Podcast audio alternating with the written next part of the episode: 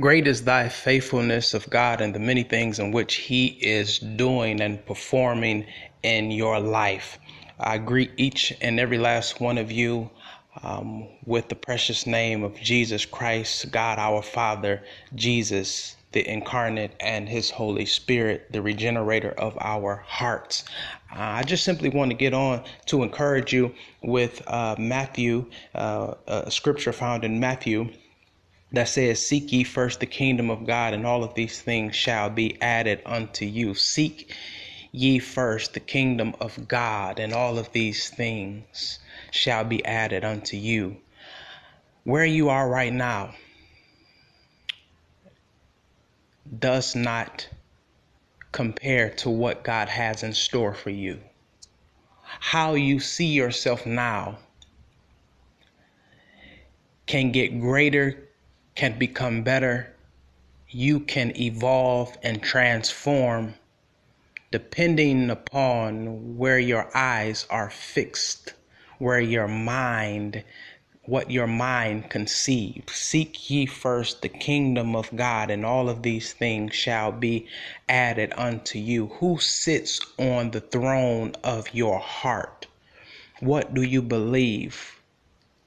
Whatever it is you believe shall manifest the conceptualization of your mind. Seek ye first the kingdom of God. What is the kingdom of God? The kingdom of God is to know that God reigns, that God is supreme, that God is, in fact, the creator of all good and perfect things come from above, is what the Bible says to know that when God created the heavens and the earth, God made everything in which the heavens and the earth needed in order to function and in order to sustain and be maintained. God plan. God has a plan. The Bible says that God is not only the author, but He is the finisher, which means that as each day progresses, God has a pen filled with unlimited ink that continues to write the script of your life. And what is today won't be tomorrow, but how you believe and what you perceive and what you receive into your heart pertaining to God and God's will will determine how tomorrow plans out. I want to challenge each and every one of you to fix your eyes on the things above. See Seek ye first the kingdom of God, the kingdom of God. If you are familiar with kingdoms. Kingdoms are big areas. Kingdoms have the loftiest established buildings. Kingdoms are governed.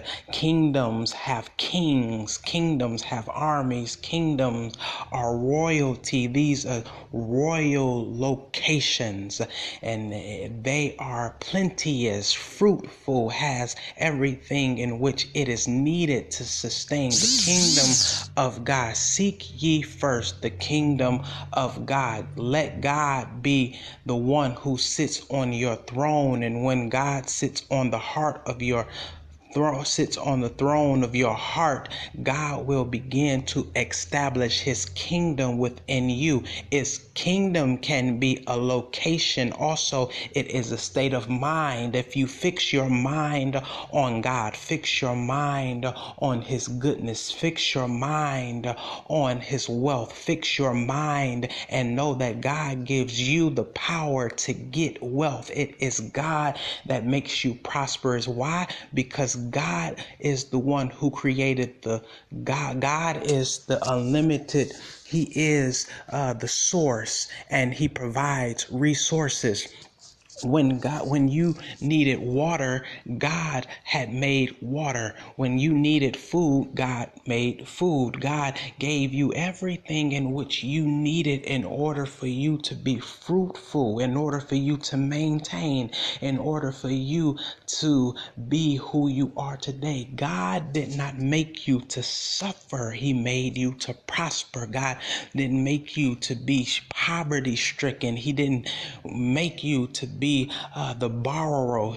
He didn't make you to be last. God did not make you to be the one who is always in debt, the one who is always struggling. So I'm here to tell you that when depression thinks, sinks in, you need to alter your mind state and think of the glorious wonders of the work. God created bees, and the bees have a distinct purpose. God created ants, and ants have a distinct purpose. God created the cow and the giraffe and the lion. And if you look at the science of the jungle, the jungle maintains and sustains. And you understand that when man goes into the jungle, they interrupt the uh, the inhabitants of the jungle. But if you notice that the jungle has the ability to function without man because God established a purpose for that in which inhabited the jungle, the uh, monkeys and the lions. And I'm just trying trying to get you to see the glory of God. The world shows forth the glory of God. And if you're not careful, you will take things into your own hand, and that's when men corrupt the things in which God created. In the hands of man, men tend to corrupt the perfect works of God. God did not intend for you to corrupt his work, He didn't intend for you to demolish his work. He didn't intend for there to be poverty. God did not intend for there to be uh, continuous uh, bondage. God wants you to be free. God wants you to enjoy wealth. God wants you to live healthy. God wants you to persevere. God wants you to have and to drink merry. God wants you to be fruitful. He wants you to live in luxury. God wants you to drive the car in which you envision yourself in. God wants you to have uh, the greater access of life. God wants you to be comfortable and you must seek his kingdom. Seek his kingdom. Allow his heaven to be in your heart. Allow the, the, the goodness of God to be fixed in your mind. Imprint God's grace, his mercy, his goodness, his wonder works. When you get a chance, just look outside and see that God has taken care of the sun. He's taken care of trees. He's taken care of the houses that are structured. God put men in place to build houses. God put uh, He put men together to uh, structure airplanes, and now airplanes can get you from here to there. God made all of these things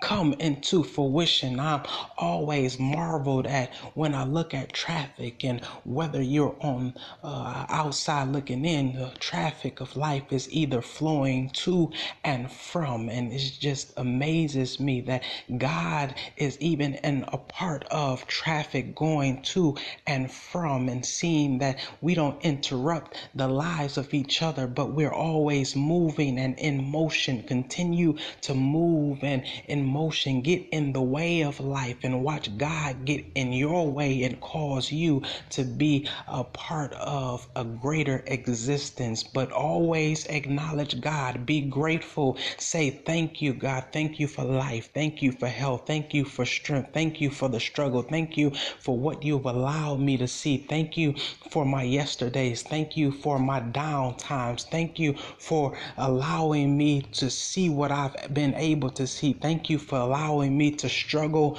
with that final exam. Thank you for struggle allowing me to struggle with tuition because I understand that if it had not been for the small things, the the down times, the sorrow and the grief, I would not understand what it looks like to have versus when I didn't have much. So God oftentimes take us through the struggle, takes us through one thing to show us that we ought to be appreciative of where we have come.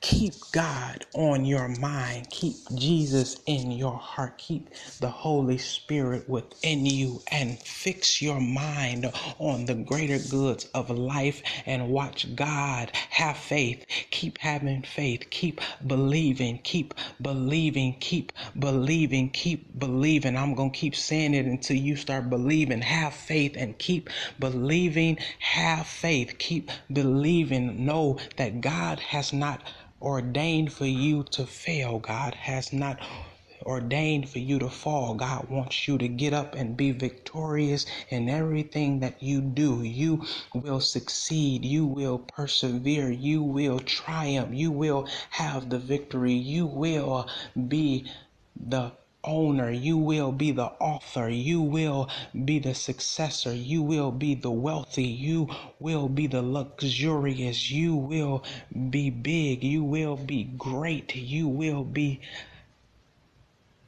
the one in which has a testimony of triumph. Seek ye first the kingdom of God, and all of these things shall be added unto you. God wants to give you his best because God wants the best for your life. God will give you the best because God wants you to have the best for your life. All right, be blessed and have a great day.